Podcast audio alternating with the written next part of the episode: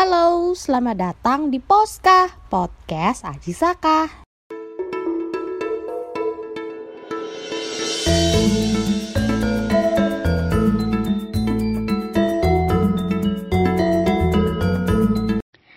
Assalamualaikum warahmatullahi wabarakatuh. Salam sejahtera bagi kita semua. Salam Oswastiastu, nama budaya, salam kebajikan, salam budaya. Selamat pagi, selamat siang, selamat malam untuk para pendengar sekalian di mana pun kalian berada. Selamat datang di Poska, podcast Aji Saka, ngopi ambe kebut, ngobrol pintar dengan Departemen Kebudayaan, Badan Eksekutif Mahasiswa, Fakultas Ilmu Sosial dan Ilmu Budaya. Nah, karena ini adalah season kedua dari podcast Departemen Kebudayaan, jadi obrolan kita pada kali ini tentunya yang ringan-ringan aja dulu ya, dan tidak terlalu berat pastinya, tapi tetap menarik dan menambah wawasan dong. Jadi, kita akan membahas tentang strategi pertahanan budaya Madura untuk kaum muda. Wah, kalau didengar-dengar nih, pembahasannya cukup menarik ya. Perpaduan antara kaum muda dengan budaya Madura nih. Untuk yang penasaran, dengerin terus podcast kita sampai selesai ya. Sebelum kita lanjut, terlebih dahulu perkenalkan nama saya Nia Kurnisa yang akan memandu acara podcast kita pada kali ini. Dan di sini saya juga sudah bersama dengan narasumber kita, Mas Mulyadi. Silakan Mas, boleh memperkenalkan diri terlebih dahulu. Uh, baik, terima kasih kepada moderator, kepada Departemen Kebudayaan dan sebagainya. Perkenalkan nama saya Mulyadi dan uh, kalau saya juga lebih dikenal dengan nama panjang saya Mulia di Galaksi begitu. Saya dari prodi Sosiologi Visib Universitas Trunojoyo Madura. Oke, terima kasih Mas Mulyadi. Wah, namanya keren ya, mencakup alam semesta nih. Oke, selamat datang di Poska, podcast Aji Saka dari Departemen Kebudayaan ya. Ya, selamat datang kembali. Semoga tetap selalu sejahtera untuk kita semua. Ngomong-ngomong, gimana kabarnya nih Mas Mulyadi? Kabar saya alhamdulillah baik. Kemarin ya sempat drop sedikit, tapi sekarang sudah pulih kembali alhamdulillah. Kesibukan akhir-akhir ini ngapain nih Mas kira-kira? Eh, uh, selama beberapa hari ini nih ya kegiatan UKM udah tidak jalan ya karena di kampus sendiri sudah lockdown dan bekerjanya juga sudah WFH semua. Jadi ya cuma tinggal ini apa sibuk menyelesaikan mata kuliah gitu. Alhamdulillah mas kalau gitu. Tetap jaga kesehatan ya mas dan juga untuk para pendengar sekalian Memang di situasi pandemi seperti sekarang ini, kita juga harus tetap produktif ya, termasuk melestarikan budaya Madura bagi kaum muda. Ngomong-ngomong nih, strategi pertahanan Madura untuk kaum muda itu maksudnya apa sih mas kalau boleh tahu? Sebelumnya ya, saya mohon maaf dengan nanti segala keterbatasan pengetahuan yang yang saya ketahui. Jadi ini kan kita sama-sama memberi dan menerima. Nah, itu yang harus selalu kita tanamkan dan itu yang selalu saya pegang dari dulu hingga sekarang, memberi dan menerima. Jadi apabila nanti ada beberapa hal yang kurang relevan yang dengan yang saya sampaikan nanti bisa kita sharing dan sharing-sharing dan diskusi gitu. Eh, strategi mempertahankan budaya Madura terhadap pemuda ini memang yang perlu dan sangat penting untuk kita selalu melestarikan dan jaga. Sebab kebudayaan itu tinggi nilainya. Yang membedakan kita dengan negara lain adalah kebudayaan. Yang membedakan budaya Madura dengan budaya Jawa, dengan budaya Bali, itu adalah kebudayaan. Nah itu yang harus kita tanamkan. Dan para pemuda, khususnya pemuda yang ada di Madura, dan terlebih lagi pemuda, mahasiswa yang kuliah di Universitas Trunojoyo Madura yang letaknya di Pulau Madura itu juga perlu mereka ketahui gitu. Eh, tentang kebudayaan Madura dan sebagainya. Karena itu rumah tempat yang kita singgahi untuk saat ini. Agar apa? Agar kita tahu eh, dari sejarah itu gitu. Oke. Itu menurut saya. Menurut Mas Mulyadi sendiri nih, bagaimana sih cara agar para pemuda-pemuda, terutama pemuda dari mahasiswa Universitas Trunojoyo, itu bisa mengetahui tentang budaya Madura? Memang e, perlu kita ketahui bersama untuk menjaga dan melestarikan dan kita harus perlu tahu ataupun menyelam setidaknya mengenal e, kebudayaan macam-macam kebudayaan di Madura itu. Nah, Uh, untuk itu memang tidak karena itu berkaitan dengan penyadaran ya kan penyadaran dari dari diri mahasiswa sendiri dari, dari diri pemuda sendiri itu sendiri gitu. Nah, tapi kalau di kampus sendiri kan kampus Universitas Trunojoyo Madura ini kan kita ada beberapa wadah yang tetap bernaung ataupun yang bergelut dalam jalan kesenian dan kebudayaan dalam merawat kesenian kebudayaan gitu. Ya kan dari setiap fakultas itu kan ada komunitas kesenian terus di Univ juga ada UKM seni Nanggala gitu ya kan. Nah, mungkin karena uh, yang yang intens yang inten ya yang inten yang inten tetap kita merawat uh, nilai-nilai lokal gitu ya kan nilai-nilai lokal kesenian kebudayaan ya.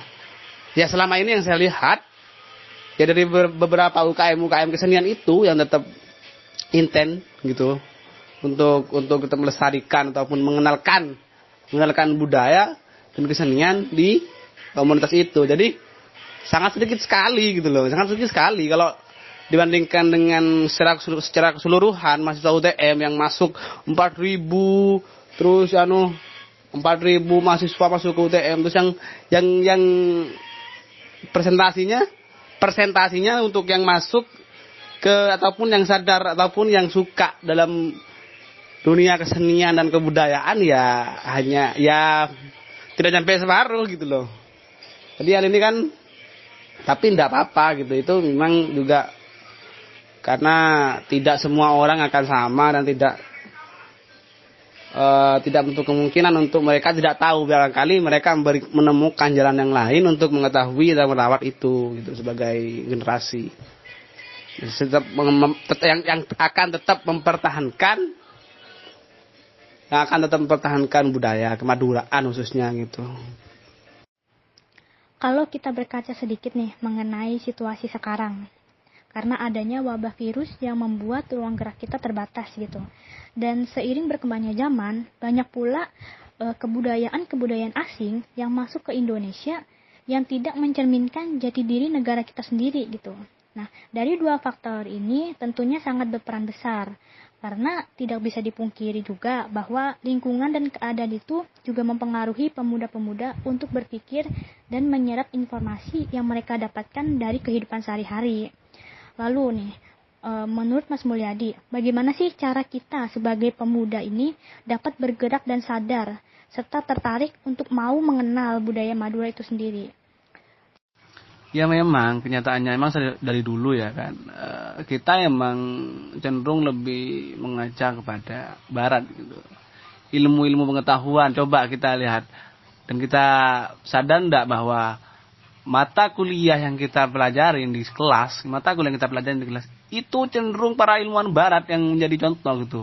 Menurut ini, menurut itu, itu dari itu dari pengetahuan dan terus e, dari pakaian kalau dulu kita sering pakai jeans, jeans. Ya, itu kan jeans dari barat itu ya kan. Pakaian jeans, stylish e, barat barat-baratan sekarang ini berubah lagi nih. Sekarang kita para para pemuda ini lebih cenderung sudah memakai budaya Korea. Nah, budaya Korea. Coba pada uh, teman-teman mahasiswa sekarang sudah banyak nih yang mencintai Korea ini ya kan. Baik me, suka kepada orangnya, suka kepada lagunya, suka kepada dance-nya, bahkan sampai kepada stylish gaya hidup juga mereka ikutin gitu loh. Nah, hal itu memang ya kemajuan zaman yang yang yang ini ya, yang terus maju gitu. Tapi akan tetapi jangan sampai kita jangan sampai kita melupakan nilai-nilai kebudayaan, nilai-nilai lokal yang sangat besar gitu. Karena kita yang, membeda, yang membedakan kita dengan mereka itu lagi gitu loh. Yang membedakan kita dengan Korea, dengan Amerika, dengan Pakistan, ya ini tadi kebudayaan gitu loh. budaya yang ini yang harus ini nah pada hari ini memang kenyataannya pada hari ini eh, bukan sulit atau apa ya webinar-webinar tentang kebudayaan sudah banyak workshop kebudayaan sudah banyak tapi ya namanya juga karena kebudayaan itu sudah tidak terlalu eksis dan ini lagi juga ada hubungannya dengan media, ada hubungannya dengan media. Karena kita karena kebudayaan jarang untuk disorot gitu loh, jarang untuk di up, jarang untuk dipublish dengan kebudayaan ini, kebudayaan itu gitu loh. Nah itu itu uh, juga mempengaruhi juga media gitu. Karena sekarang kita sudah menjelajah ke dunia maya selain di, di dunia nyata gitu ya. Dan bahkan kita lebih sering bermain di dunia maya daripada dunia nyata begitu. Seperti yang sudah dijelaskan Mas Mulyadi tadi ya, terkait budaya itu jarang diekspos gitu kan. Nah, ini pula yang sering menjadi pertanyaan gitu. Mengapa budaya ini sulit untuk terangkat apalagi terekspos oleh media maya ataupun media-media lainnya gitu kan. Nah, apakah kita perlu tahu juga bagaimana pemikiran pemuda-pemuda terkait pandangan mereka soal budaya gitu karena e, beberapa sumber yang saya ketahui banyak pemuda-pemuda yang menganggap bahwa budaya itu tradisional, budaya itu ketinggalan zaman gitu. Atau e, budaya itu adalah sesuatu yang seharusnya dilakukan oleh orang tua gitu atau oleh orang yang sudah sepuh gitu kan. Nah, menanggapi soal pandangan ini, bagaimana pendapat Mas Mulyadi sendiri? Uh, begini ya, jadi nantinya ini kan akan diekspos di media visip UTM ya kan. Nah, justru ini yang menarik, ini yang yang perlu terus terus tetap kita lakukan gitu karena uh, kita yang notabene-nya berada di kampus kita yang berada di Madura, satu-satunya kampus negeri yang juga salah satu ada fakultas yang namanya Fakultas Ilmu Sosial dan Ilmu Budaya mengekspos kebudayaan-kebudayaan ini justru tugas kita memang mengawal kebudayaan gitu. Artinya agar agar budaya lokal tidak termakan dengan budaya-budaya baru. Terus begini lagi ya. Lalu kan banyak teman-teman yang berpikir bahwa tradisional itu gak keren ketinggalan zaman kuno gitu ya kan. Nah justru justru malah hari ini itu lebih coba kita lihat dan kita pastikan kita lihat bangunan-bangunan bangunan-bangunan tua ya kan? Bangunan-bangunan tua tradisional macam rumah adat Madura gitu.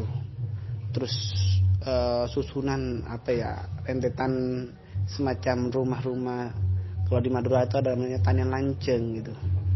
Yang hari ini memang jarang kita temukan sudah gitu. Karena rumah-rumah sudah berbentuk mewah-mewah dan sudah kekinian modernisasi gitu. Itu malah lebih kalau kita lihat lebih estetik. Rumah-rumah kuno ini jadi contoh nyatanya ya. Belum lagi dari hasil karya-karya tari terus musik terus um, itu kan coba lihat tarian-tarian hari ini. Kayak banyak nih kan biasanya nih orang mengidolakan uh, Korea Korea tarian seperti itu. Sebenarnya lebih menarik tarian-tarian tradisional menurut saya menurut saya ya karena di situ itu lengkap ada wirasa, wiraga, wirama kalau gak keliru, kalau gak keliru begitu. Jadi semua unsur itu disatukan menjadi sebuah konsep pertunjukan yang menarik. Jadi tidak asal hus-hus.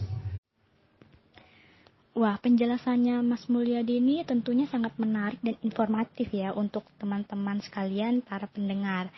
Nah, di sini saya ada sedikit pertanyaan nih, Mas kalau dari tadi kan kita sudah membahas tentang budaya dari e, kesenian tari gitu, musik ya. Nah, bagaimana dengan kebudayaan lainnya yang ada di Madura gitu, Kak? Seperti karapan sapi atau rokatase gitu. Memang pada saat ini gitu masih masih ada yang menjalankan tradisi tersebut gitu di dalam lingkup masyarakat Madura, tapi tidak sedikit juga masyarakat Madura yang sudah mulai meninggalkan tradisi tersebut gitu kan. Bahkan uh, hal yang paling sederhana uh, seperti kebiasaan masyarakat Madura aja itu sudah mulai tertinggal gitu. Seperti kayak uh, Madura itu kan biasanya terkenal dengan uh, satenya ya sate Madura gitu. Kalau misalkan orang luar gitu atau orang dari daerah lain gitu meskipun dia tidak mengenal Madura, tidak tahu soal Madura, tapi ketika dia mendengar kata Madura, maka yang terlintas pertama adalah sate Maduranya kan yang enak gitu.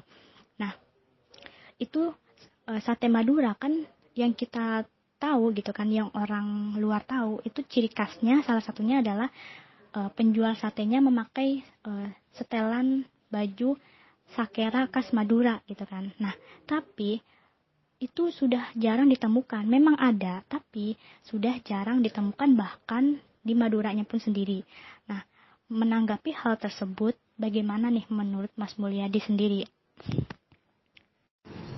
Nah, semakin uh, bertambahnya tahun, semakin bertambahnya hari, semakin bertambahnya bulan, perubahan-perubahan uh, dalam setiap diri manusia itu terus berlanjut gitu. Jangankan manusia alam pun juga mengalami perubahan-perubahan sekarang gitu. Ketika ada pembangunan di mana-mana gitu. Alam pun sudah tidak begitu segar tidak begitu enak untuk untuk kita rasakan. Karena sudah tertanam benih benih-benih beton di di alam kita gitu tentunya. Di Madura pun juga begitu gitu.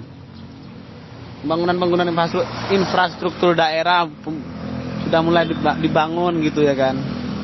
Nggak keasriannya itu sudah mulai ter apa terkontaminasi. Nah berbicara mengenai tradisi-tradisi yang sudah mulai hilang sudah mulai punah dan bahkan pemudanya tidak tahu apa tradisi Madura gitu. Nah ini memang ini tugas mahasiswa tugas mahasiswa FISIP Mobilusuf FISIP UTM untuk mengkawal ini gitu saya pikir kita juga mari bersama-sama rawat, mari sama-sama kita kita mulai setidaknya dari dari diri kita. Dari diri kita kita mencoba mencari tahu apa itu kesenian e, carok misal apa tradisi tra, tradisi carok terus tradisi-tradisi lainnya misal kayak cahe terus sintung ada tuh itu tradisi-tradisi itu semacam terus okol terus nah itu yang mesti kita lakukan hari ini. Itu kawalan-kawalan itu juga yang mesti kita dampingin. Untuk tidak menghilangkan ciri khas uh, tradisional tradisionalitas kemaduraan kita gitu. Nah ini jadi barangkali setelah setelah ada apa namanya? Setelah ada podcast kali ini barangkali ini bisa bermanfaat bagi teman-teman gitu. Bisa mengetahui seperti ini seperti itu tradisi-tradisi macam itu. Nah karena ini kan fokusnya kepada seperti apa seperti apa. Nah seperti apa? Intinya adalah kita itu harus memulai dari diri kita memulai mengetahui pertama pertama mengetahui tradisi ini oh tradisi Madura ada ini ada ini. Nah setelah itu kita pelajari lalu kita terapkan. Begitu kira-kira. Nah makanya itu kan kenapa sate Madura sampai sekarang? Sate Madura itu dikenal di mana-mana. Kenapa? Pertanyaannya di Makassar ada itu sampai tadi Madura, di Malang itu ada tadi Madura, di Samarinda itu ada, di Jakarta itu apalagi. Nah, kenapa itu bisa terkenal pertanyaannya? Karena apa? Satu, mereka konsisten dan komitmen tetap apa ya? Tetap membuat e, mempertahankan jajanan tradisional sehingga dibawa keluar lokal, keluar keluar Madura dan masih laku gitu. Sebenarnya kan sama dengan tradisi gitu, sama dengan tradisi dengan tradisi-tradisi kebiasaan-kebiasaan masyarakat lokal Madura gitu. Seandainya orang-orang orang-orang tradi orang-orang Madura itu tetap membawa tradisi kemaduraannya gitu. Watanya kan kalau watanya sudah ada kan watanya orang Madura, terus kebiasaan-kebiasaan lain uh, semacam tetap misal merantau di mana? Di Malang terus merantau di Jakarta misal. Tetap lakukan uh, apa sharing-sharing terus mengenai uh, apa mengenai tradisional kebiasaan-kebiasaan orang Madura gitu kayak rebe misalnya ada tuh nah istilahnya itu rebe. Terus misal kayak kalau kalau carok nggak bisa ya. Kalau carok jangan sampai uh, di di dilakukan di luar lokal gitu jangan gitu. Terima kasih mas. Nah dari pembahasan kita sejauh ini nih kira-kira ada nggak sih pesan-pesan yang ingin mas sampaikan kepada pemuda-pemuda yang ada di Madura? Tentunya di Universitas Trunojoyo dan juga pemuda-pemuda Indonesia nih tentang strategi pertahanan budaya Madura untuk kaum muda itu sendiri. Itu jadi kuncinya itu cuma satu, konsisten dan komitmen. Kita bangun. Kita bangun kesadaran dalam diri kita untuk terus mem memasarkan kesenian, kebudayaan dan tradisi, tradisi kita gitu sebagai orang sebagai eh, para sebagai mahasiswa fisip juga dan juga sebagai orang-orang yang suka dalam merawat hasil karya nenek moyang warisan-warisan itu yang sangat tak ternilai harganya gitu Oke, sebelumnya terlebih dahulu saya mengucapkan banyak terima kasih untuk para pendengar yang sudah mendengarkan poska ini hingga di penghujung waktu. Saya sangat mengapresiasi sekali atas kepercayaan kalian semua. Dari Mas Mul sendiri nih, ada nggak sih yang mau disampaikan sebelum podcast ini selesai? Ya, ini untuk sebelum podcastnya selesai, kepada kita semua, kepada kita semua sebagai mahasiswa dan wabil khusus mahasiswa FISIB UTM yang notabene-nya memang mengkawal dan mempelajari tentang kehidupan kehidupan sosial dan kebudayaan yang saat ini letak di Madura khususnya. Jadi setidaknya kita bisa tahu kondisi sosial dan kondisi kebudayaan pada saat ini. Memang tidak menutup kemungkinan ya, jangan sampai kita itu uh, bodoh amat dengan kesenian, jangan sampai kita tidak mau tahu dengan kebudayaan. Jangan sampai kita uh, masa bodoh dengan uh, warisan-warisan nilai nilai kebudayaan dan tradisi oleh masyarakat masyarakat yang dahulu nenek moyang kita gitu karena ini sebenarnya aset aset yang tak ternilai gitu. Aset yang gak ada nilainya ini. Karena ini kita hasil karya para nenek moyang yang tiada batasnya gitu. Jadi sebagai pemuda mari kita kawal mari kita jaga nilai-nilai kebudayaan masyarakat Madura sebagai dalam bentuk menghormati para leluhur, para nenek moyang. Itu karena kita sebagai uh, kaum pada saat ini sebagai kaum yang intelektual, uh, maka dari itu mari kita kawal, mari kita lakukan dan mari kita jaga kesenian dan kebudayaan masyarakat Madura. Terima kasih. Hanya itu saja.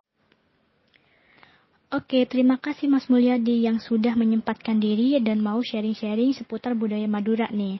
Semoga apa yang disampaikan dapat bermanfaat bagi kita semua tentunya. Tak lupa kritik dan saran sangat terbuka untuk para pendengar sekalian. Sampai ketemu di podcast season selanjutnya ya. Wassalamualaikum warahmatullahi wabarakatuh. Bye-bye.